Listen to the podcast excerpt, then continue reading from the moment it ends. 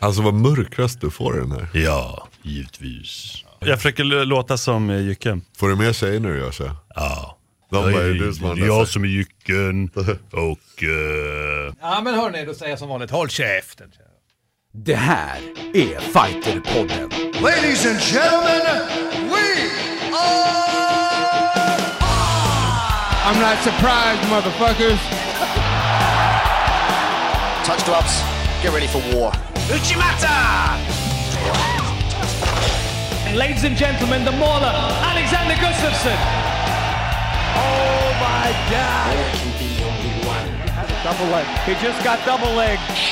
I'm gonna show you how great I am.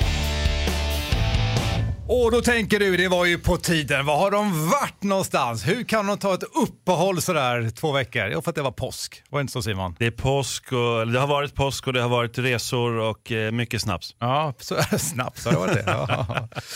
Hör du, det där är Simon Kölle, jag heter Mårten Söderström, det här är Fighterpodden. Vi skulle haft med oss eh, Hans Wiklund som vanligt, men Hansa han är då nere i Abu Dhabi och han sa att du kan ringa om du vill, men jag är inne på planet och det är han just nu, så han flyger.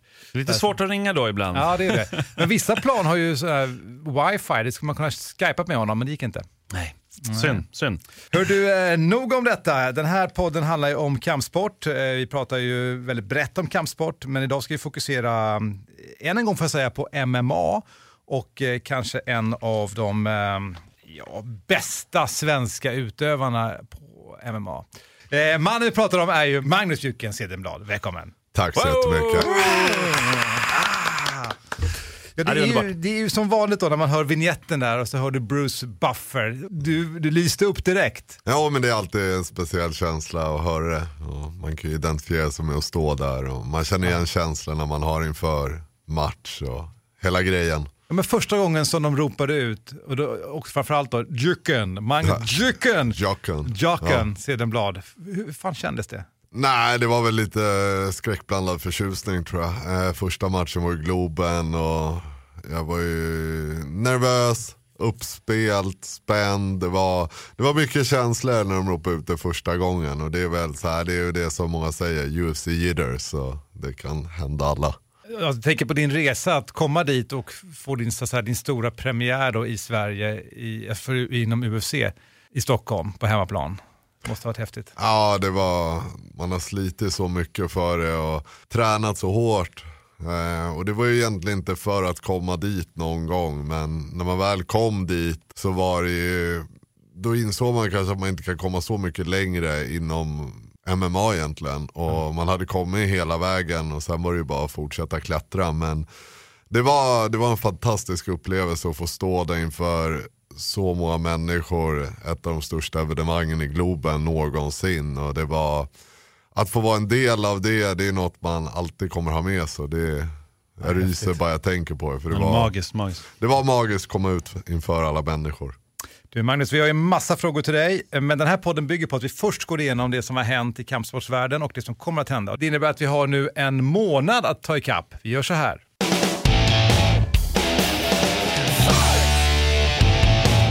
Veckans, eller då månadens kampsportsnyheter i korthet Simon. Oh, det är svårt att dra dem i korthet. Det händer så otroligt mycket inom eh, i kampsportsvärlden rent generellt. Men vi kan ju börja lite på hemmafronten. Så har vi haft Superior Challenge. Nu rör vi oss verkligen. Det känns så här. Det känns som att det var länge sedan, eller hur Magnus? Det... Ja, ja jag kommenterar det. Ja, precis. Och förra podden var ju om Superior. Ja, det var ju den. Så att då är det ju på sin plats att jag berättar lite om det. David Bjelkheden vann sin sjunde raka seger, imponerande mot Mårten Djursa. Fick det tufft där i sista ronden men dominerade i övrigt eh, matchen. Vad säger, vad säger du Magnus? Jo det gjorde han absolut. Jag tyckte David eh, såg bättre ut än vad han har gjort tidigare. Jag tyckte han gjorde en av sina bästa matcher. Och det var kul att se han. Otroligt imponerad över David och den resan han har gjort och den resan han gör. Det är imponerande att fortsätta. Tror du att han kommer ramla in ett varv till i UFC? Jag hoppas. Det är, att komma in i UFC, det blir svårare och svårare. De signar färre fighters. Och det är svårt att veta hur UFC tänker men jag tycker han är extremt värd det. Ja, jag kan bara, bara hålla med om det. det är, han, är, han är verkligen värd efter sju raka. Det är, Det är sällsynt i, den, i det skedet han är i sin karriär, om man säger så. Mm. Men sen hade vi en annan som är, visade sig sen kanske var i slutskedet av sin karriär, Papi Abedi, som hade kommit tillbaka, vann ju förra gången på, på Superior och nu förlorade han. Tufft. Tufft att förlora igen. Det såg ut lite som att han blev psykad nästan av sin motståndare. Håller du med om det, Magnus? Ja, jag tyckte det var helt fantastiskt korkat av motståndaren. Eh, och komma in sådär och stå med en sån stance då Papi har väldigt snabba och hårda low kick och stå så snedvriden. Jag sa det när jag kommenterade också att jag tycker att det är helt idiotiskt och väldigt konstigt. För det var så uppenbart att han skulle sparka han på benen. Det var... Jag förstår inte, men det var ju bra att han i alla fall förstod det inför andra ronden och bytte stand. Så han har ju bra boxning och jag tyckte det var synd att Papp inte utnyttjade mer det, det han har. Eh, för nu blev det lite att han föll in i den andra killens game och ja, tyvärr förlorade han. Och det var... Ja, och tyvärr så verkar det nu som att Pappi har lagt också handskarna på hyllan. Eller så, att- eller så. Vi får se om det blir så, men det, han hintar i alla fall det efter, efter matchen. Eh, om vi pratar på någon som är på gång, jag har ju redan sagt det flera gånger förut att Oliver Enkamp är vår kanske största unga talang, eller ung, han är 25 nu, men eh, det är väl ganska ungt ändå får man säga. Eh, och han vann ju imponerande, verkligen, eh, återigen får man säga. Det, han, eh, hur bra är egentligen Oliver, Magnus? Nej men Oliver är jättebra, han har ju framtiden för sig. Jag, jag hoppas att vi kommer få se han nu ta ett kliv upp och få en lite tuffare motstånd så han får också bekänna färg där. För hans egen skull också. För det, det är skillnad på nivån i UFC och utanför UFC. Speciellt om man kanske inte får komma upp på main event och liknande. Så jag skulle tycka det var bra för hans egen skull att ta något kliv upp och möta lite tuffare motstånd i just 77 kilos klassen som han har precis bytt till. Innan man börjar prata om UFC, även för hans egen skull. Ja men verkligen. Jag ska säga det också för att jag ofta lyfter upp eh, Oliver som är vår största talang. Amir Albasi är ju också en sån här jättetalang och vi har ju flera andra också. Vi har ju Tamer-bröderna. Det är många talanger vi har i Sverige. Men Amir har ju fått eh, kontrakt med Bellator under den här tiden så det vill jag bara passa på att Det är ju nämna. svårt det där att vi alltid ska försöka, men vet, får inte glömma och tänk på den här Nej men det är viktigt, det är viktigt. Nej, men 9-0 i record och.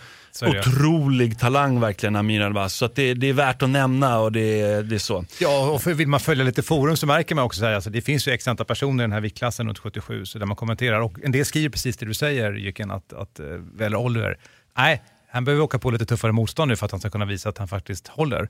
Och det är svårt att veta eh, liksom vad han kan prestera.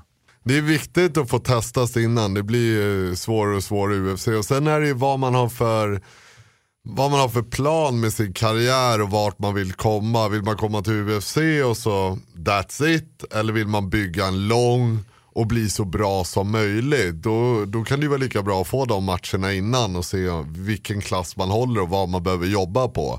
För det är svårare kanske att få ett slags uppvaknande är väl att ta i, men att komma till UFC och inse oj, jag måste verkligen jobba på mitt nedtagningsförsvar eller jag måste jobba på vad det nu må vara. Eh, och få det just i UFC, då kan det bli stressande för man kan få sin första match, förlora den, få en match fyra månader senare och förlora den och då var det färdigt. Och det är svårt att komma tillbaka till UFC. Ja, det är kunskap här vi har i, här i studion. Det känns skönt att höra. Eh, sen har vi Kevin Petchy också. Imponerade stort. Eh, slog Martin Aktar. Eh, hemmahoppet, i alla fall hemma för Sverige om man säger så. Och, eh, han såg ju väldigt dynamisk ut. Det, det visste vi lite grann på förhand, men det här var ju liksom ett steg upp för honom. Hur, hur bra är han då? Ja men det var fantastiskt, alltså, det var ju den matchen jag själv såg fram emot mest. Jag älskar att se Martin Aktar, det är en av, får jag säga, våra elakaste fighters. eh, det är en som alltid skickar saker med bad intention, mycket knän, mycket armbågar som vi tyvärr ser för lite av i MMA än så länge. Eh, och Kevin då som kom in, jag har sett han tidigare, jag vet att han alltid bjuder på show och nu var det Ja, han kommer in, han gör en cartwheel kick, han tar ner Martin helt klockrent, slidar igenom till side som ingenting, tar rygg. Och där vet vi också att Martin är, Otroligt svår att strypa ju. det är ett skämt, jag Ja. vet inte vad det är för fel. Han vägrar liksom ge upp. Och nu var det likadant, Kevin hade inne choken och jag tänkte, ja nu är det över. Men det tog tid. Det tog tid. Det tog tid. Man satt och väntade och sen då till slut gav Martin Aktar upp. Men det, ja, han Kevin är fantastiskt rolig att titta på. Jag skulle verkligen bli förvånad om han inte blir signad av en ännu större organisation väldigt snart. Jo men verkligen. Eh, Det är, och Superior har alltid varit lite av en eh, liksom, eh, Plantskola. Ja, men lite så. Sådär. Men utöver det så Superior kommer komma tillbaka till Sverige, eller tillbaka förhoppningsvis också till Stockholm. Jag, jag vet inte faktiskt om det blir Stockholm, men det är i december i alla fall. Så det blir mer Superior Challenge. Får jag fråga, gick det bra där? Hur var det publikmässigt den här gången? Det var bra. Det var jättebra. I Vad stort roligt. sett helt utsålt. Alltså, Eh, ja. Jag vill bara säga, jag hoppas Superior bara kör fler galor. För jag tycker de har hittat sån otroligt bra plattform här. Och jag skulle bara vilja se mer så att det blir precis som många organisationer, eller många, vissa utomlands som får de här att champen betyder något. Att det liksom, okej, vem möter David härnäst? Är det, ska Oliver, oh, ska Oliver upp mot David? Att det blir lite snackisar, att det börjar liksom, champen betyder något. Men hur många- galor kan du tänka dig skulle kunna funka? Säg att Superior var liksom den galan som var, som betydde någonting. Är det fyra, fem stycken per år eller vad tror du? Ja men kör, fy- kör en, en i Malmö, en i Göteborg, en i Stockholm och så ta Umeå eller någonting. Så har du en varje kvartal. Men det var ju det de provade. Alltså det var ju svårt. Göteborg var ju jättetufft. Ja fast. Malmö gick väldigt bra. Absolut, det det var sålde ju ut. sant, sant, så är det ju. Så de får ju komma till Göteborg, ta en mindre ställe och bara få upp de här, den känslan att det kommer mycket galor. Att champen, om det är nu som Kevin, han är champ i Superior. Ja, kommer han tillbaka nästa gala eller dröjer det ett, två år? Eller Mm. blir han signad av någon annan nu? Kommer han försvinna? Hur ser det ut där? Och det skulle jag verkligen vilja se mer av. För det är sån fantastisk gala och sån fantastisk produktion. Och om man ser alla svenska fighters som är i UFC har någon gång fightats i Superior. Så det de gör är så grymt, jag vill bara se ännu mer av det. Kul! Ja, vi hoppas att eh, Babak och de andra på Superior lyssnar på det här. För det är, Babak, hör du på detta nu? Fler galor. Nej, men sen har vi haft lite andra annat i Sverige förstås. Trophy MMA har gått, eller Trophy MMA har kört sin påsksmällen. Det blev en kväll, lite ovanligt faktiskt, för att det var ba- alla matcher gick eh, till domslut och enhälliga domslut eh, på hela galan. Och sådär, så det, det var en proffsmatch där, eh, där Johan Hallberg vann över Linus Albeck. Sen har vi, om vi går över lite till UFC, det är ju det som många peppar nu inför 28 maj på Globen igen. Och sådär. Och det har ju visat sig vara lite mer faktiskt svårsålt den här gången. Det är inte alls eh, slutsålt. Får vi säga att vi, vi är svenskar liksom, vi är ganska tråkigt folk. Eh, vi är extremt dåliga. Ja, men alla sådana här evenemang överlag i Sverige är väl, alltså gå på fotboll, det är lite folk. Hockey, det är inte någon där. I små ställen är det, men i Stockholm är det ju, det är sällan det är slutsålt. Och vi är ju, folk trivs ju att sitta hemma och kolla på tv istället. Och folk som har varit på, ah, det funkar bra på tv, det duger. Så är det nog tror jag. Ja, men vi är jättetråkiga och sen är vi ju så kräsna. Jag minns när jag gick min första gala, då var det oh UFC till Sverige. Nu börjar det bli, ah, hade ju varit roligt om John Jones gick mot Alex i Sverige kanske. vi börjar kräva saker. Men vad tror ni om tiden, att det är så sent på natten? Nej, det är inte sent på Det natten. är inte Nej, det är sent inte på det. Och nu är natten. det på en söndag däremot och biljettpriserna på vissa biljetter har dubblats i pris. Och det är det som väldigt många också Vad innebär det gnäller. ungefär? Om inte man vet. Nej, men biljetter som kostar 1 och 3 kostar eh, 2 och 5 ungefär. Ja vad bra att du dubblade det åt oss. Mm. Nej men ungefär, nästan. Han bad om det. Han är göteborgare och då behöver man lite så här Och hjälp. tusen blir två tusen. Jaha! Det är det det innebär. Jag fattar, jag fattar, jag fattar. Nej men på ett ungefär, alla priser har ju inte dubblats såklart. För att det är för dåligt sålt? Det. Nej nej nej, men alltså, priser går ju upp helt klart, Sverige. Jag fattar inte. Ja, du menar mot förra galan? Nej, mot tre år sedan, alltså för, när, tidigare varit i Globen. Så att, eh, ja, det, det är dyrare i alla fall. Ja, det är ju utan tvekan. Och det, Alltså- det gör ju att vissa känner att ah, tv, mm, det kostar 200 kronor via play, jag kan lika gärna kolla Och på man det. ser vad som händer. Ja, det kommer säkert bli slutsålt också. Det är ju så, det är ju långt ifrån. Jag tror inte alls att det blir det, för att jag tycker inte alltid samma hype. Det är, jag är besviken att säga det, men jag tänker på, precis som du sa förut här Jycken, att när det kom, hela fenomenet, eh, plus tillgängligheten med tv, det är två dåliga kombinationer. Sen vet inte jag om det hade varit så att det fortfarande kostar 1300 spänn eller om det kostar 2 5 eller 2 6. Jag undrar om inte det är så att det finns ett lite mindre intresse faktiskt. Kanske, jag vet inte. Jag, vet inte, säger jag, säger, jag spekulerar, jag spekulerar. Ja, säger Nej men absolut, alltså, jag, jag tror ju återigen det här att ja, det, allt väger in och sen är vi bekväma av oss. Alla som har varit, de, vi får ju säga MMA är inte gigantiskt i Stockholm eller i Sverige. Eh, och de som har velat gå på en UFC-gala har kanske redan gått. Och då känner man just, nej men jag var för tre år sedan, det är samma sak, det funkar bra på tv. Och ska så man vara ärlig man som du säger, alltså att vara på de här galna problemet med UFC är att de är tv-producerade och inte publikanpassade. Det är långa break, det är ganska dålig information, alltså det är en lång gala. Sen är det ju såklart jättekul om du har favoritfighters som du vill se. Men det är ju en ganska lång väntan och det är rätt dålig kommunikation vad som händer, du sitter där och väntar. Och sen liksom. ser man ingenting. Så ser man inte. Alltså buren är i vägen, Den är man sitter och kollar på jätteliten. tvn där uppe. Jätteliten, Ja, ja. Man sitter och kollade upp på tvn och så. Vad härligt när ni säljer. Ni säljer verkligen MMA Ja. Nej, men jag säger Men, att men finns- jag kan ju sitta och titta på tv så får ni höra mig kommentera. Ja, det är liksom. också Det- jag tror att man ska ta med sig detta också som arrangör om man gör UFC.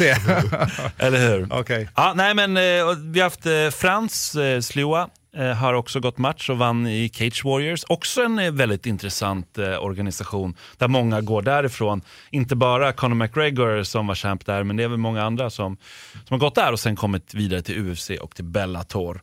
Så Frans, eh, han ser riktigt bra ut tycker jag. Ja, han såg jättebra ut och som sagt, han har ju varit i The Ultimate Fighter, han var, liksom, har varit nära att komma med i UFC och han hoppas väl också, nu den här matchen kan det bli en extra fjäder i hatten för han. Ja men det är kul. Men sen har vi haft eh, Sofia Olofsson, eh, vår stora thaiboxningsdrottning. Eh, det var väldigt mycket thaiboxare för övrigt som vann priser på eh, kampsportsgalan, som den nu kallas, prisgalan där. Man undrar vad juryn håller på med där. Om Ja, de det är håller ju- Mm, på med thaiboxning kanske. Det var du som sa det. Bara en gissning. Det var många thaiboxare i juryn, det var det. Eh, Och många Var det Maggan Kowalski som hade hand som om var juryn? ordförande i, Ja, i det juryn. var thaiboxning. okej. Det här är en bra rubrik, där kan jag skriva en artikel om. Mange attackerar. Det är det farliga med att ha Simon här. Var det där en attack? Det är den här svenska attacken. Ja, det är är lite attack. mesigare. Ja, precis. Nej, men skämt åsido så Sofia Olofsson är ju fantastiskt grym. Otroligt bra verkligen. Hon har eh, gått med i Angel Fight som är en, en, eh, i Thailand där det är, eh, hon, är klar, hon har vunnit sin match, första match där ska jag säga. Och hon, eh, det är en stora prispengar för att vara thaiboxning. Det är en miljon baht som man vinner. Eh, vilket är 261 000 eh, kronor ungefär. Har, tog jag i huvudet? Nej, jag har kollat upp det. Och man vinner en Toyota pickup också. om man vinner den. Så Okej. att, hon, jag tror att det är två matcher hon, till hon måste vinna nu. Så att, eh, sådär. Och hon är ju lite av en favorit. Men det är tuffa fighters som hon, som hon möter verkligen. Kul. Så att, men det är kul. Ja, Men jag gillar ju när eh, fighters, men thaiboxning, BJ och så här, kan också tjäna lite pengar på det. Det är ju alltid, aldrig fel. Sant, sant, sant. Ja, sen har vi haft eh, Sara Hägge, vann EM-guld i Kyokushin. Niko Mosuke, alltså, ni hör ju det är väldigt mycket som har hänt senaste tiden. Niko Mosuke blev klar för match, eh, UFC, han kommer möta en eh, Bojan Velikovic, typ. Något sånt. Och det är verkligen så här någon som jag väntar, längtat efter att se Niko faktiskt. Ja, alltså Nico är fantastisk. Jag tycker han har utvecklats ännu mer. Jag tycker han har täppt till lite av de bristerna jag, jag tyckte han hade tidigare. Och jag har sett han nu, vi tränar ihop och eh, han, har, ja, men han har ändrat stil och lagt till vissa saker som jag tror kommer göra succé i buren. Jo, men han har alltid också varit intelligent. Alltså han är inte bara intelligent utanför utan han har även försökt liksom anpassa sin intelligens i, i buren.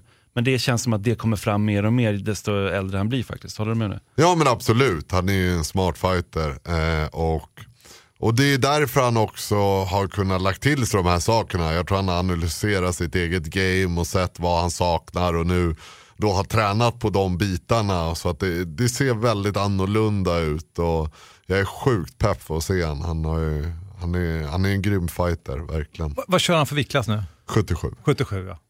Ja, nej, men det, blir, det blir riktigt spännande att se Nico, äntligen. Det är sådär. Och Reza har också hintat om att han har en match eller att det kommer komma någonting. Så vi hoppas, antagligen är ju det Ah, han, han har ju gått ut också att det kommer vara hans sista match. Ja men det kommer det ju bli liksom. Det är ju... Och att han vill göra den på Stockholm. Och jag som sagt, Reza är alltid en publikfavorit. Så jag hoppas verkligen han får den matchen. Jag Ja, tror men att han får det även om att han har, att han har en förlust i ryggen. Ja, Ja, det tror jag. Det Absolut. tror jag. Och det är lite så, som, som du säger Magnus, att sista matchen, och sådär. Så det är ju lite också en, någonting som är värt att nämna det här med att det är många nu just nu som går sina sista matcher. Och du har tagit ett break nu Magnus. Får hoppas att det inte blir för evigt höll jag på att säga. Men, Tack. eh, ja. och, eh, men det är många andra som, som lägger handskarna på, på hyllan. Ja, det var ju två pers i förra galan. Ja men UFC. precis. Vi har ju det, Anthony Johnson, det var ju lite en chock närmast att han ska lägga, lä- lägga handskarna. Det var ju, eller hänga upp handskarna. Det, det, det är lite deppigt tror jag för många, för han är så pass bra. Ja, så 93 an är inte så jätterolig viktklass just nu. Och när Anthony Johnson drog sig tillbaka så, ja, det var ju, Jag, jag grät faktiskt lite när han, jag, det var så, eh, jag var inte beredd alls att han skulle tacka för sig. nej det var så här, det var, jag vet inte, jag fick så här lite, det var så dåligt avslut. Jag Ja. kände så här, Han började prata om, kan jag, mina coacher måste komma upp liksom, Ja. en lång, lång De tid. sprang han- iväg, de sprang iväg. De, ville inte, de tyckte inte att han hade gjort eh, rätt. nej han gjorde på inte det. Det Nej, var ju helt fantastiskt idiotiskt av han. Jag förstod inte, ah, alltså jag har så svårt att förstå vad han gjorde. För jag kan förstå om i femte ronden, fjärde ronden, man börjar brottas, man är skittrött, hjärnan går på autopilot eller vad som helst. Men när de har tränat ett helt camp antagligen på att hålla sig rörande, hålla sig borta från brottningen, utnyttja sin boxning.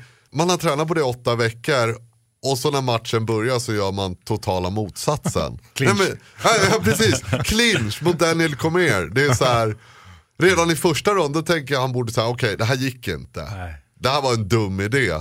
Så kommer han in i andra ronden och gör samma sak. På tal om fighting IQ där Nick och så ja, Anthony på andra sidan kanske. Mm. Ja, nej, men det, det var märkligt. Märklig, märklig fight och väldigt tråkigt att han har, eh, nu slutar ändå.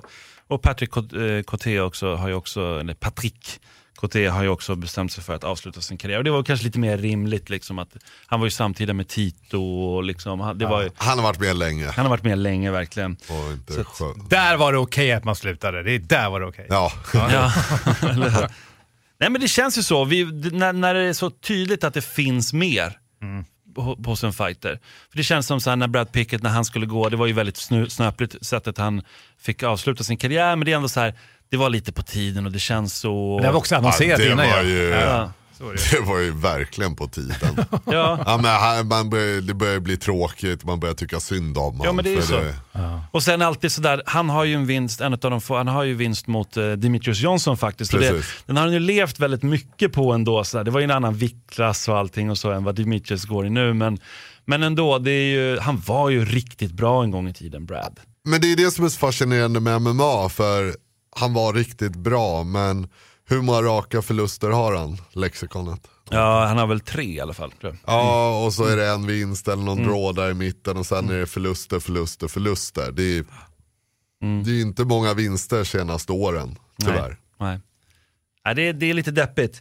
Men eh, någonting som inte är deppigt, det är ju Dimitrios Johnson som vi, som vi nämnde där. Han är ju bara fortsätter imponera. Holy cow och säger hur jag bra är han? Hur bra är han? Otroligt bra han är. Nej, men alltså, det, är så, det är så vackert. Du vet, eh, jag satt ju och kommenterade matchen och jag kände bara, vad, vad säger, alltså, det är bara att sitta tillbaka och njuta. Han har ju inga brister. Inga brister. Han är, han är, så här, det är en sån, bara, han är bäst på allt. För det är verkligen, Dimitrios Johnson är bäst på allt. Och allt ser så sjukt bra ut, det är så tekniskt fulländat, gameplanmässigt, allt, alltså det är ju ett skämt. Och han kör ju över, alltså det är ju, han kör över sin Han, han är så tekniskt överlägsen och så cool. Alltså han hade ju knappt en träff på sig själv. Nej det var ju vad var första ronden, han fått åtta träffar och då är low kick inräknat. Liksom. Men jag, men jag har en fråga där till dig Magnus. Går det att bli så bra i en tyngre viktklass? Eh, alltså jag tror, jag diskuterar lite det, jag tror att det är svårt att se så bra ut som Demetrius Johnson gör. För så är det, alltså om man ser styrka till kroppsvikt så är ju Demetrius Johnson väldigt högt upp där. Eh, om man jämför med tungvikt, lätt tungvikt, mellanvikt. Eh, det blir ju inte lika tight, det blir inte lika kompakt. Och det är ju det, det är ju lättare. Det är ju bara att titta på UFC, gå och titta på de lättare viktklasserna. De flesta ser ju väldigt bra ut. Gå upp till tungvikten, där ser de flesta väldigt dåligt ut. Ja. men eh, lätt tungvikt är också ungefär på samma nivå där. Det är ju många man sitter och tittar på, det ser inte så jättevackert ut alltid. Tydligaste exemplet av alla är Roy Nelson. Man tar honom, så liksom han, han skulle ju antagligen kunna vara otroligt mycket bättre om han bara liksom faktiskt tränade bort sin kagge. Det är, så här är det. det, är också roligt med honom för att eh, när han var med i Ultimate Fighter, Ja. alla de, de skrattade åt honom, han kommer inte klara cykeln. Han var en av de bästa på konditionstesterna också. Det var helt så här, det är som en humla, han kan liksom inte flyga egentligen. Förstår du? Det, det ska inte funka. Och jag kommer ihåg att de var intervjuade där, denna White, jag vet inte, det, det är helt skumt. Den här killen borde egentligen lämna huset för han är så Han är tjock. för tjock. Ja, och Nej, har, men- har kondition, det är konstigt liksom. Kost. Ja, det- det- ganska viktigt. Undrar vad han äter. Ja, nej, men det är en annan sak. Eh, sådär. Så vi har haft, det är ju alltid väldigt, väldigt mycket UFC förstås och vi har mycket att se fram emot också. Men, om vi tittar lite mer framåt eh, vad vi har på Sverigesidan så har vi ju Glory nästa helg. Då har vi Abdo Karim Shore som kommer gå. Vi har eh, Adel Ekvall, eh, Halila heter han väl. Eh, vi har Burim Rama, väldigt eh, talangfull och vi har eh, Rafat eh, Al-Maliki heter han väl. Eh, så att eh, Burim kommer gå en fyramannaturnering, vinnaren möter titelhållaren i mellanvikt där. Så det, det blir spännande, det är kul. Vi har, vi har alltid haft bra stående fighters i, i Sverige, men nu känns det som att det är lite, så här, det är lite roligt. Känner du till alla de jag nämnde, Magnus? Nej. Nej, och det är lite spännande, för det är en ny generation verkligen, så här tydligt. Eh, och, eh, men på thaiboxnings-SM också, det, var verkligen, det känns som att nu kommer fram nya fighters. Det, det har varit väldigt mycket snack fortfarande om sådana som var leg- är legender idag, Jörgen Krut och, och så vidare, Jocke Karlsson, alla de här. Eh, men nu kommer nästa, nästa grupp. Ja, får hoppas eh, det stående får en liten uppsving som du säger. Det är mycket MMA och UFC nu. Och det är just det också att tjäna pengar på det. De flesta går över till de sporterna. Men nu börjar grapplingen börja lyftas upp. De här superturneringarna. Ja, men det är lite sånt. Får vi se också hur det går för svenskarna nu i eh, Abu Dhabi som sagt, de är där nu. De är det, de är nästa, det. nästa podd kan jag berätta lite grann, vi- Hans så här. Då får han berätta om det. Sådär, nej men precis. De har varit, det är lite supermatcher och det har, det har varit, var i Rinkeby var det ju en eh, grapplingturnering bland annat också. Eh, och sådär, där Westin klev fram. Från där då David inte kunde gå, David Bjälkheden inte kunde gå så klev Westin in och det gjorde han väldigt imponerande. Slog eh, faktiskt eh, motståndet. Så det, ja, hur bra är Westin då? Eh, på på MMA eller grappling? Både och. Ja, grappling, han är ju otroligt fysisk. Alltså, det, och det var väl det i grappling, det var ju det han vann på. Det är alltså, om man jämför just tekniskt på grapplingbiten så är ju de väldigt mycket bättre. Men han är ju, och det är, så, det är ju fair, man vinner på det man är bra på. Westin är otroligt fysiskt. Och, i MMA, han är ju också, som, man nämner han ju inte så jättemycket eh, ibland kanske, men han är väldigt ung fortfarande och han, han presterar på hög nivå. Det är ju sån match, Westin mot Oliver. Ja, 77. det skulle vara riktigt häftigt faktiskt. Fantastisk eh, match. Sen, sista jag ska säga för, innan vi rundar av, det är ju att eh, det har blivit klart att SM, boxning och brottning och HEMA kommer hållas tillsammans på SM-veckan. Första juli får vi se det i Borås. Så det är kul. Det, det måste man säga är ett stort uppsving för HEMA om inte annat, få gå tillsammans med brottningen och boxningen. Det Som du är lite favorit av. HEMA, ja, jag vurmar lite extra för Ja, HEMA. gör det. det är klart jag gör det. Nej men det blir roligt, det blir kul och det blir på SVT. Så det Lite- är jätteroligt. Märklig kombinationen då. Eller kanske inte. Nej, men det är väl lite de, de sporterna som inte har tydliga egna arenor sådär. Det kan man ju tycka att boxning och brottning har. Men eh, de, nu pr- pratar vi amatörsidan, för eh, på proffssidan så visar ju ni på Viaplay och sådär. Men just på amatörsidan så är det ju spännande att, eh, och då är det bra att SVT har det här initiativet med SM-veckan. Var detta dina kampsportsnyheter i korthet? Alltså det finns otroligt mycket mer faktiskt man kan säga. Det har varit otroligt bra UFC-galor, det har varit lite halvtråkiga UFC-galor, det har varit det, har varit det ena och det andra, verkligen en god pott och jag har säkert missat eh, mycket. Men eh, någonstans får jag sätta punkt här nu. Ett poddtips från Podplay. I podden Något Kaiko garanterar östgötarna Brutti och jag, Davva, dig en stor dos skratt. Där följer jag pladask för köttätandet igen. Man är lite som en jävla vampyr. Man har fått lite blodsmak och då måste man ha mer. Udda spaningar, fängslande anekdoter och en och annan arg rant. Jag måste ha mitt kaffe på morgonen för annars är jag ingen trevlig människa. Då är du ingen trevlig människa, punkt. Något Kaiko, hör du på Podplay. Därför är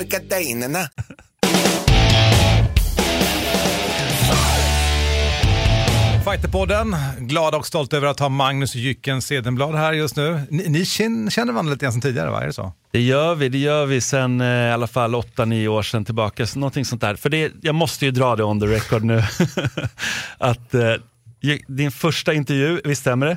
Ja, jo det gör det säkert. Eh, va, gjorde jag en gång i tiden och det var min första tror jag intervju också. Eh, på ett café på Söder träffades vi och eh, båda var ganska nervösa. Men Jag vet inte om jag var så nervös, men jag kanske framstod du nervös. sa att du var nervös. Jaha. Jag, jag har lyssnat på det inför det Jaha, här. Det var okej. därför. Ja, Då sa du, ja. "Nej, men jag är lite nervös, det är väl Ja, okej. jag, var- liksom. jag var till och med det. Ja, jag har svårt att se mig själv som nervös. Men, ja, ja. Jag kanske bara ville vara ödmjuk mot dig. Jag såg Ja, att det, du det måste, darrade. ja? Det är lugnt, jag är också nervös Simon. Första gången man lite fick lära känna också vem du var, du berättade din story och allting med den, den andra seden, eh, vad hette han? Seden? Cederblad. Cederblad, precis. Vadå, förklara? Ja, Ah. trän- Tränare, ja, Magnus Ja, jag, Cederblad. jag, jag började träna på en, eh, ja, jag började köra kickboxning slash eh, thaiboxning typ var det. Eh, och tränaren hette Magnus Cederblad. Just det, jag läste förut, jag var inne och kollade faktiskt på jycken.com. Ja. Du har ju en egen hemsida, där står Ja. lite grann, där står också din historia. Ja okej, ja, jag Men det är ju inte så att du har inte den här klassiska, eh, apropå enkamp till exempel, som då är en karatefamilj. Eh, och de har ju tränat i stort sett liksom sedan de var i magen. Du hade ju en jävligt sen start. Jag började jättesent och jag hade ingen så här direkt ja, bakgrund inom något sånt här liknande. Och sen, Jag har ja, kollat mycket film, stod det på hemsidan. Ja precis, ja, men det var ju ungefär där det började. Eh, kolla Karate Kid ungefär. Och sen, ja, men sen gick det ändå bra liksom. Och, men jag vill ändå säga det, jag vill inte tro att jag har en sån stor talang eller något liknande. Utan det jag har är en bra mental inställning och ett jävla anamma. Ja, jag började boxning, det var väldigt kort. Thai kick, väldigt kort. Och så började jag med MMA. Så du var i 20-årsåldern någonting när du började testa liksom MMA? Ja eller? precis, ja, jag väl, ja precis, lite över 20 skulle jag gissa. Men det var ju också med lite avbrott och lite så här glad amatör två gånger i veckan. För att sen bara bestämma mig att jag skulle vilja göra en sak i mitt liv väldigt ordentligt. Och det råkade bli MMA. Det hade kunnat bli vad som helst. Det, Är det här för att du är en slacker i andra sammanhang? Nej, alltså det var mer att jag, ja, jag kan ju vara, men jag är sån som, jag har, väl, jag har alltid varit bra på idrott och alltid kommit, mm, inte, inte hela vägen. Utan jag har alltid slutat när ah, jag har tröttnat, jag är väldigt så här, känslostyrd. Så när jag tycker saker är tråkigt så skiter jag bara i det och går vidare och gör något annat jag tycker är roligare. Eh, men så bestämde jag mig då att MMA jag skulle göra mitt bästa liksom och bli så bra jag bara kunde bli. Och, Alltså jag har lärt mig så mycket genom den här resan och det är det jag är mest tacksam för. Att, för det första att jag har funnit mig själv på ett väldigt bra sätt inom MMA och sen just lärt mig det här fram, framgångsreceptet kan man säga. Alltså jag, när man pratar med många entreprenörer eller liknande som alla har lyckats en gång så vet man, okej det är så här jag gör. Och jag känner ju det med MMA nu att jag vet hur man gör. Och jag kan ta det till vad som helst och göra samma resa. Du har ett, ett, en- modell på något sätt hur man gör. Ja men precis, en modell hur man lyckas inom det. Och det alltså, jag har ju ändå tagit det här hela vägen med ja, ganska små medel skulle jag säga. Du startade ju som i lätt tungvikt. Det gick sådär. Ja det gick sådär. Och det gick, sen gick du ner till eh, liksom, mellanvikt. Ja det gick det bättre. Alltså, det var ju också så här som jag sa i början, jag, jag körde ju mest på skoj, skulle jag, eller det var bara på skoj och jag hade inga ambitioner. Jag, jag tyckte det var kul att träna med mina polare, vi åkte iväg på helgerna, gick matcher, tyckte det var roligt. Och så frågade min tränare om jag ville gå som proffs. Och jag bara, varför inte? Så åkte jag till Finland, jag vägde in med jeans och tröja på, vägde in på 91 ungefär. Och så kom min motståndare ut eh, och såg enorm ut. Eller jag visste först inte att det var min motståndare, utan jag sa vem är det där? Och de sa det är din motståndare. Jag bara shit vad stor han är. Och så ställde han på vågen och så fun- ja, jag, han gick tillbaka till bastun och jag bara varför är han så stor? Hur kan han vara så stor? Så bara, och vad gör han? Yeah, he likes the sauna. Det var svaret. Och jag och min coach, eller polare, stod bredvid och bara, varför bastar han? Vad är det han gör inne i bastun? Alltså, vi båda kommer från fotboll, tennis. Alltså, varför sitter han i bastun innan vi ska gå match? Det kändes helt, jag förstod inte. Och nu, det känns väldigt dumt att berätta det här. För alla som håller på med MMA idag, eller ser UFC, vet att Ja. ah, folk bantar och så vidare. Vi hade ingen aning om att det ens gick att banta inför en match. Jag käkade McDonalds innan invägningen, jag står med jeans, jag står med tröja och bara perfekt jag klarar vikten, nu ska vi fightas imorgon. Det var den inställningen jag hade. Fatta vilken skillnad att ha varit på den nivån där min vän och så där du är nu och du har gått igenom. Ja det men det är, helt det är galet hur mycket man har lärt sig och förstått. Och, alltså, jag hade sett Matt Hughes gå honom, eller jag hade, det var ju Ta- Tank Abbott och Gracie. och sen kom eh, Pride och då såg man Crow Cop och Wanderlei Silva och alla de här. Det var inte ens närheten av vad det är idag. Alltså inte, UFC var ju inte samma sak. Det var helt annorlunda då. Någonting Vi pratar tio år. Ja, verkligen. Det är helt sjukt. Det har gått så fort. Liksom. Sen tror jag många också brukar glömma eller hoppa över lite din amatörkarriär faktiskt. För du, du gick ändå 15-16 matcher. eller något 16, sånt där. 16 matcher. Och vann 15 av dem. Ja. Och det tror jag, det, det Och jag vill säga att jag upp. förlorade bara för att Bobby Rehman var domare. Det. Och än idag är ni ovänner. ja, precis. ja, men var det, det var ju shootfighting då eller? Ja, det var ju shoot. eh, På den tiden hette det inte shootfighting, det hette shoto. Shoot då, just det. Ja, Just det. precis. Din MMA-karriär, skulle du definiera den som tio år eller vad skulle du säga? Ja, alltså jag har varit proffs i tio år. Och det är just det, alltså de kanske sista åtta åren har jag ju lagt ner hela min själ i det här. Jag har lagt ner varenda vaken minut på att just göra det så bra jag bara kan göra det. Det är jag väldigt stolt över för jag tror att det är få människor i världen som kan säga att de har gjort allt de har kunnat för att bli så bra som de bara kan bli på någonting. Och det har jag ändå gjort. Jag har offrat allt för att komma dit jag är idag. Alla som vi har här pratar ju väldigt gott om dig, både som person eh, och som utövare. Dels att du har utvecklats så mycket och sen tycker ju alla att du är så sjukt trevlig. Du är ju det. Tack. Eh, och det är ju det är inte självklart eh, med tanke på att... Att man är trevlig? Nej, Alltså, det är inte självklart heller med tanke på att, att, att, att det är så unisont, förstår du? Alltså, det kan också vara så här att en del träffat dig i helt andra sammanhang. För din karriär har också gått upp och ner. Ja, Alltså, absolut. du? Men som människa så har du verkligen spridit det. Att, och det ska du ta med dig, det är häftigt. Det, det värmer att höra för det är ändå det är någonting man kommer ha kvar efter allting i slutändan. Jo men eller hur, och jag skulle säga att någonting som också har varit, oavsett vart du har varit i din karriär, så har jag alltid upplevt det som att du alltid haft fötterna på jorden ändå. Och det, det kan man inte säga om alla fighters riktigt. Oavsett vad man gör, håller man på med musik som jag gör mycket, då är det klart att du får en hit i, i hela världen. Då är det klart att det, det blir väldigt lätt att flyga iväg på vingarna. Förr eller senare måste man dock landa och då går det inte alltid så bra för alla. Men du har ju lyckats liksom, eh, hålla fötterna på jorden. Håller du med nu? Jag vet inte, när du säger det, för mig känns det mer konstigt att sväva iväg. Jag kan ju känna, för jag har ju mina struggles varje dag i träningslokalen. Jag jobbar för att bli bättre, jag är väldigt så här ändå kritisk mot mig själv och tycker att det här måste jag öva på, det här måste bli bättre. Jag tittar på andra, ser något de gör bra, försöker härma efter och jag ser och lär av många andra människor i min närhet. För mig känns det mer bara konstigt att sväva iväg. Det känns jättekonstigt, jag förstår inte varför jag skulle göra det och varför. Jag har Alltså jag har varit nybörjare en gång i tiden och jag fortfarande har jag ungefär samma mindset. Jag försöker fortfarande bli bättre, jag försöker fortfarande lära mig nya grejer. Sen att jag har blivit bättre har inte så mycket mer att göra egentligen. Jag, jag förstår inte varför jag skulle sväva iväg. Jag tycker än idag när, någon, när du presenterar och säger en av de bästa MA-utövarna, jag blir liksom det känns konstigt att höra, jag tycker det är konstigt när jag får höra sådana komplimanger som att jag har inspirerat eller att jag Men kan du ta det då? Kan du ta emot det? Kan du liksom ta in det?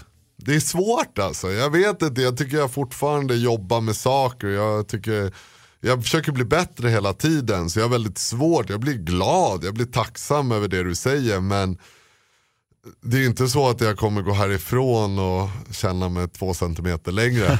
Men, utan, ja, jag, det där jag, betecknar väl ödmjukhet, det är väl det som är grejen. Ja, jag, jag, som jag säger, jag har gjort mitt bästa och jag, är- jag är stolt över den resan jag har gjort, att jag har tagit det så långt som jag har gjort. Det är det jag är riktigt stolt över. Sen vart jag kom, det är inte riktigt det viktiga. Alltså det viktiga är den, det jobb jag la ner och den hängivenheten jag har gett MMA. Ja, det är det. Jag är riktigt stolt över mig själv faktiskt att jag gav den chansen. Och jag, ja, det är grymt. Och jag tror inte folk kan, heller kan förstå riktigt exakt hur mycket faktiskt ni har lagt ner. Alltså inte bara du. Men liksom bara tänker eh, alla träningar, alla liksom resor och allt. Det, det är otroligt, otroligt mycket. Men du har mycket att titta tillbaka till. Men det jag menade lite också med det här, det var att din ödmjukhet eller lite fötterna på jorden har också varit sådär att vi måste också prata om en tid då det var klubbar som hade stängda dörrar, inte ville, man fick inte sparras med andra klubbars eh, fighters och sådana saker. Hilti som är, de hade till exempel, bara för att dra ett exempel, stängda dörrar och, och, och sådär. Och du var ju alltid såhär, nej men vadå, jag kan ju köra lite med den och köra med den. Och du, du har aldrig sett det riktigt på det sättet, alltså att det, man måste hålla hemligheter. Och nu är det nästan en självklarhet. Det är en idrott. Alltså jag tycker att det är så konstigt. Jag kan än idag inte förstå när vissa har sån inställning. Att man liksom ska stänga ute eller ja men du kan inte gå och köra med dem. Jag vet själv när jag, när jag hade klubb och vissa kom och frågade mig, ja du jag har en polare som kör på en annan klubb, är det okej om jag går och tränar med han? Alltså du får göra precis vad du vill med din tid. Alltså jag kan inte förstå. Är det någon som kan förstå? Någon vettig, alltså, Fast jag tror att det kommer ifrån, alltså det finns ju en gren, den är ju borttvättad, det märker man ju idag. Alltså jag kommer ju från traditionell kampsport och sen när man liksom kom över till den nya tiden och med MMA, bara, bälten, vadå svart bälte? Förstår? Det finns ingen betydelse. För de har tränat någonting nytt. MMA för dem är inte bälten och grader. Men den kultur som fanns, som är den gamla kampsporten, där var det också mycket det här med skolor, det var renläret och man fanns på olika platser och man blandade sig inte. Och jag tror att det spillde över initialt in i kampsporten och i MMA och det fanns en kultur i det tills någon bara så här, det här är helt ologiskt. Det är ju helt ologiskt att vi inte släpper in andra i klubben. Det är därför jag tror också att det försvann efter ett tag. För att om du bara får sparras med de som är på din egna klubb eller kopplade till din egen klubb på något sätt, Nej, det, blir, det blir väldigt snålt alltså, i Sverige. Men det, har inte bara med det, det har inte att göra med vad som är bra eller dåligt. Det har att göra med vad som är humant och normalt. Alltså, ja, men på riktigt, jag skiter i vad som är bra eller vi måste hjälpa varandra och alla de där grejerna. Du vet, det kommer en människa och bara, hej jag skulle vilja träna med Välkommen in, varsågod. Betala medlemsavgift, gå och Men, kör. men så är det idag, men så var det inte förr i tiden. Nej, alltså det finns, ju, det finns ju fortfarande tendenser hos vissa att man inte ska träna runt och att du ska vara på ett ställe och vara lojal eller vad man nu kallar det. Jag tycker att det, det är bara konstigt liksom. Men får jag fråga nu då, Magnus, för du pratar lite grann som att det är en tid som har varit. Alltså, hur skadad är du? Va, vad är du? Jag har ju diskbråck i nacken. Faktiskt så började det av att jag åkte på en giljotin av Luke Rockhold för ett år sedan. Det var då jag fick riktigt ont första gången. Men jag kan säga så här, jag klappade inte och jag reversade och drog ut den. Ja, Då började problemen, det var ja, ett och ett halvt år sedan nu ungefär när jag var på AKA. Och sen inför min förra, så har jag haft problem med det. Det har varit där, det har blivit bättre, blivit sämre. Jag har fått gå på behandlingar hela tiden, försökt att underhålla det här men det har varit liksom jobbigt. Eh, hur, hur, hur yttrar det sig? Alltså, jag förstår att det är Nej men alltså, ont, ja det blir ju, jag har ju svårt att sova, eh, spänningshuvudvärk, alltså spänningar i hela ryggen, Oh. utstrålningar i armen och så vidare. Och sen då inför min förra match eh, så landade jag på huvudet när vi körde en övning och då liksom spändes allt upp otroligt mycket. Då var det liksom, då var det riktigt, alltså då, jag kunde inte röra huvudet på två veckor. Men var det inför matchen mot han eh, Ja, Jack? Marshman. Jack Marshman. Precis, så det var inför den jag fick det. Och sen då så släppte, jag gick på behandlingar varje dag, det släppte, blev lite bättre, jag gick matchen, det gick ju skit. Jag kom hem och så hade jag det här hela tiden. Jag gick på behandlingar, jag fick ont, jag började brottas, jag kunde inte brottas, jag gick och grapplades, jag kunde inte grappla, så blev det att jag slog plattor, det funkade. Men ändå blev jag spänd hela tiden, så jag fick gå på behandlingar för att liksom bara kunna vara. Svårt att sova på nätterna för jag får så ont i nacken, ont i huvudet, jag var tvungen att ligga på speciella positioner. Och sen börjar det bli det här, ja, men jag har ju en son på ett och ett halvt år, man börjar vara hemma med han, man sitter med en så här extrem huvudvärk då från eh, nacken, så här spänningshuvudvärk och ja, han skriker, man blir trött. Alltså, det började gå ut över mitt liv och min vardag. Att jag helt plötsligt började känna mig så här ganska deppig för att jag hela tiden, hela tiden har så ont. Det sätter sig på humöret, det sätter sig på energin. Och alltså jag blev så ledsen för jag, jag ville liksom, jag ville grapplas, jag ville brotta, alltså det är därför jag älskar MMA, alla delar. Och helt plötsligt får jag stå och slå plattor och inte ens det som jag vill. Och då känner jag, alltså det här blir bara skit. Så då bestämde jag mig liksom att okej jag tar ett steg åt sidan och se vad som händer, se vart nacken hamnar liksom. Om jag inte då har en annan person ryckandes i mitt huvud hela tiden. Men, men innebär det att du så att säga, nu, nu tränar, för du rör ju på dig såklart Ja. och tränar, men är det en rehabfas nu? Du tränar mycket mjukare kan jag tänka mig då. Och, Ja precis, jag tränar mycket mjukare. Nu kör jag ju då, slår lite plattor, jag gymmar, jag håller mig i form liksom. Eh, men hur känner du nu? Det här är ju en svår fråga, men känner du att så här, fan det här kommer lösa sig? jag känner så här, rent mentalt så har jag, alltså jag älskar verkligen MMA, jag älskar det jag gör. Och det blir så jobbigt att stå hela tiden och pressa och pusha gränsen. Så nu, nu kände jag det att, okej, jag tar ett steg tillbaka, kanske halvår, år, alltså en längre tid. Jag, alltså jag har inte gjort något annat som sagt under en åttaårsperiod. Nu försöker jag göra lite annat och försöker styra upp ett liv vid sidan om. Gör jag det, ser hur jag trivs med det och så ser jag då hur nacken blir om ett halvår, år. Hur nacken än kommer må om ett år så kommer jag gå en match. Jag har fortfarande mitt UFC-kontrakt, jag fick ett nytt kontrakt där förra veckan. Åh, Eh, härligt. Ja, Bra! Yes! Det är Det, här var ju skönt. de kan ju fortfarande sparka när de vill. Jo, jo, men ändå. men om ett år ungefär så kommer jag gå en match vart jag än befinner mig i livet. Mm. För det kommer bara vara, även om jag inte skulle kunna träna ett enda pass innan så kommer jag bara gå en match. För att det är, alltså jag älskar det. Alltså fightas, jag skulle kunna vinna mot de flesta helt otränad tror jag i alla fall. Bara man har lite kondition, det är inte så att jag blir så mycket sämre på ett år. Häftigt. Det kan vara så att jag jobbar och så åker jag iväg på helgen liksom och så går jag en match och så kommer jag hem och så fortsätter jag med det jag gör. Du hade ju en match mot han uh, Kristjof Jotko, det var en. Och där fick ju du sån här performance of the night bonus Ja på, precis. på 50 000 dollar. Ja det är det jag tänker så om jag går, om jag går en match om ett år och ah, jag har inte ens tränat och jag känner just där då, då kommer jag gå in och svinga loss och bara försöka få den där 50 000 dollar. Det kommer bli en sån här jakt på pengar liksom. Du, vad gjorde du med de pengarna då? Nej, det, jag, jag gör ingenting, jag fortsätter träna. Det är det, alltså jag har inga, jag har, jag har liksom eh, inga intressen förutom fighting typ. Men, men, nu, vad, tjänar du pengar på nu? Eller lever du på din träning nu? Kan du undervisa så, så att du kan leva på det? eh, ja alltså det kommer jag kunna göra, nu har jag varit pappaledig med min son då. Eh, sen det här kom ut så har jag varit hemma med han och haft tid med honom. Så det har varit stort liksom att kunna få ha det. Att eh, jobba som tränare kommer vara en grej jag kommer göra och sen kommer jag göra vissa andra saker också. Det är hemliga saker? Nej, det är absolut inte. Eh, jag, jag har inga hemligheter. Nej men, nej, men det är mycket så här vagt än så länge. Det är det jag, eh, men jag får se, jag funderar på att bli MMA-coach då. Eh, och styra upp en, starta en klubb eller hoppa in på en klubb som redan existerar och bli som head coach då.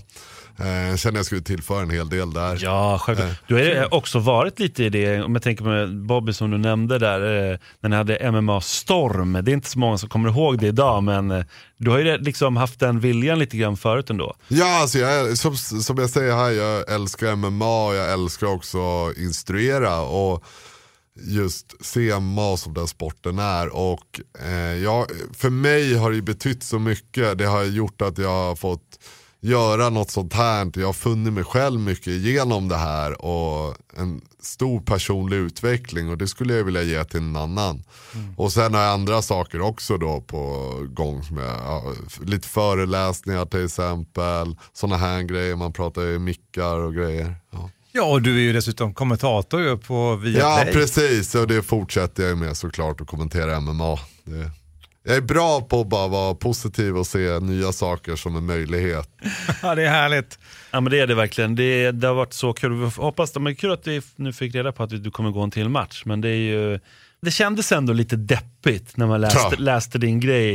Det kändes lite deppigt Ja, man var ju säker på att du skulle köra nu liksom på UFC här och sen bara, nej det går inte. Så det är klart att Ja, du... det, det var ju jäkla surt alltså. Jag har ju länge velat möta just Chris Camose det kändes som en, så här, en match som skulle kunna bli riktigt bra. Så här, saknaden av, och det är inte just MMA som är saknaden, det är just det här kanske drivet och ambition att man liksom, det är så lätt, man vaknar upp varje morgon och vet, vet vad jag ska göra idag. Och jag, liksom det här drivet, jag älskar det och ambition och man bara okej nu ska jag gå ner och göra det här, det ska bli bättre, du vet, man filmar sig själv, man tittar hur man utvecklas. Det är, det är en sån härlig resa. Men hur mycket skulle du säga att du är liksom uh, Jycken-fighten då? Alltså så här i din personlighet. För att, jag menar, träffar du folk på stan, alla tänker så här, det är Jycken, det är fighten, han är jag menar, du är en kändis. Idag är du en kändis, i alla fall inom den här lilla ankdammen. Hur mycket skulle du säga idag att du ändå är den, den killen? Du är fighten liksom. Nej alltså det är jag ju inte. Jag är inte alls faktiskt. Det är, alltså, jag är idrottare, jag ser mig själv som en eh, atlet men eh, jag är ju Magnus liksom och jag vet vem jag är och jag är väldigt trygg i det. Så jag har absolut inga problem med att det här, vem är jag? Vad, vad händer med mig nu? Ja men det är ju många som Nej, det har här är problem med det. jätteviktiga frågor, Ja. för det du pratar om nu det är ju att identifiera sig själv med en titel eller Precis. ett visitkort. Men Ja. vad du säger är att jag är Magnus, säger du. Ja. Det är två saker jag tror är viktiga här. Det ena är, precis som du säger, att du är liksom, det där är en, en karriär, alltså Mm. ett utövande. Men, också tror jag, de här tankarna som du pratar om, att det kan bli tungt. Alltså du kan titta tillbaka och bara, ja, jag, jag kan göra det här just nu. Även när din karriär är över, liksom, så har du pratat väldigt mycket om att du är för stolt över att du har presterat allt det här och som kunnat göra det. Det lutar emot. Jag gillar väldigt mycket du sa förut att jag har knäckt koden lite grann på ett koncept, hur man gör någonting riktigt jävla bra. Och det kan jag flytta till vad som helst. Och du är ju också där, oavsett om du kommer ha fler matcher, vilket vi vet att du ska ha nu, så är du fortfarande en modell den är ju cool att du har med dig. Ja men verkligen och det är det jag är så otroligt tacksam för. Alltså det är den största gåvan i livet. Alltså, förhoppningsvis så har jag väl en så här 45 år kvar att leva eller något liknande. så det är sjukt lång tid liksom. Då är det ju bra att göra något bra av dem. Och jag känner alltså med vem jag är, jag är extremt trygg i det faktiskt. Och jag, ja. Det blev psykologpodden idag. Ja, det var härligt. Ja, men eller hur? Nej, men jag tänker också så här att det, det är lite...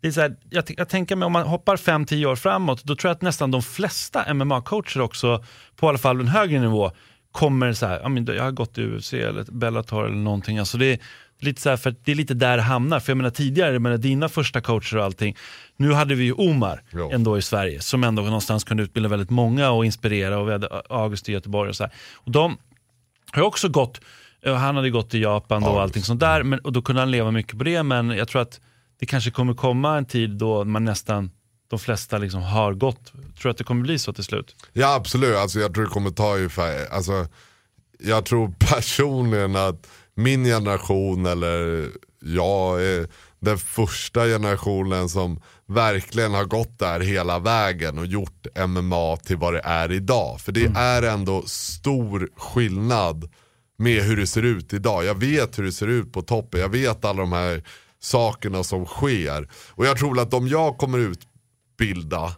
när de får gå UFC och sen de börjar instruera, då kommer det bli riktigt bra. För det utvecklas fortfarande. Men jag tror att det här är början, för jag är ju MMA rakt igenom. Jag är inte en kombination av kickboxning och brasiliansk jiu-jitsu. Utan jag är MMA och det är något så viktigt att påpeka för det är fortfarande ett väldigt glapp där tycker jag. Det är fortfarande, klubbar försöker mixtra ihop det med de här olika disciplinerna när det är en sport.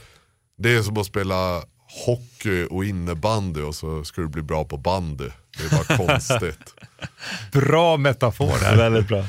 Hörni, vi måste knyta ihop nu. Tiden Ja. sprang iväg här ju i dagens Fighterpodden. Men det var ju ett sant nöje att ta det här, Magnus Jycken Cedenblad. Tack så Får en applåd idag igen. Ja, verkligen. Och jag vet att eh, Hansa Wiklund, ni brukar rulla lite grann på, är det på Öland eller? På, Ja absolut, på Gotland. På Gotland, Gotland, Gotland. Typ samma sak. En ö. Ja, en ö. Där. Och vad är det på sommaren? Det är någon lada det, ja, det är ett brottarläger kan man säga. Du brukar instruera ibland och så eller? Precis, jag har varit med och instruerat lite och sen blir det väl lite, blir lite blandat deltagande på morgonen beroende på hur slitna folk är. Men... Ja, det är hård på flarran Hansa, vad det är det? Nej. Eh, Simon Kölle, Ja. tack för den här gången. Jag heter Mårten Söderström och vill ha kontakt med oss så går du in på fighterpodden at fightermag.se. Det var dagens Fighterpodden, vi hörs om två veckor. Us! Os. Fighterpodden produceras av Suba Media för Radio Play och Fighter Magazine. Ett poddtips från Podplay. I fallen jag aldrig glömmer djupdyker Hasse Aro i arbetet bakom några av Sveriges mest uppseendeväckande brottsutredningar. Går vi in med hemlig telefonavlyssning och, och då upplever vi att vi får en total förändring av hans beteende. Vad är det som händer nu? Vem är det som läcker? Och så säger han att jag är kriminell, jag har varit kriminell i hela mitt liv men att mörda ett barn, där går min gräns. Nya säsongen av Fallen jag aldrig glömmer på Podplay.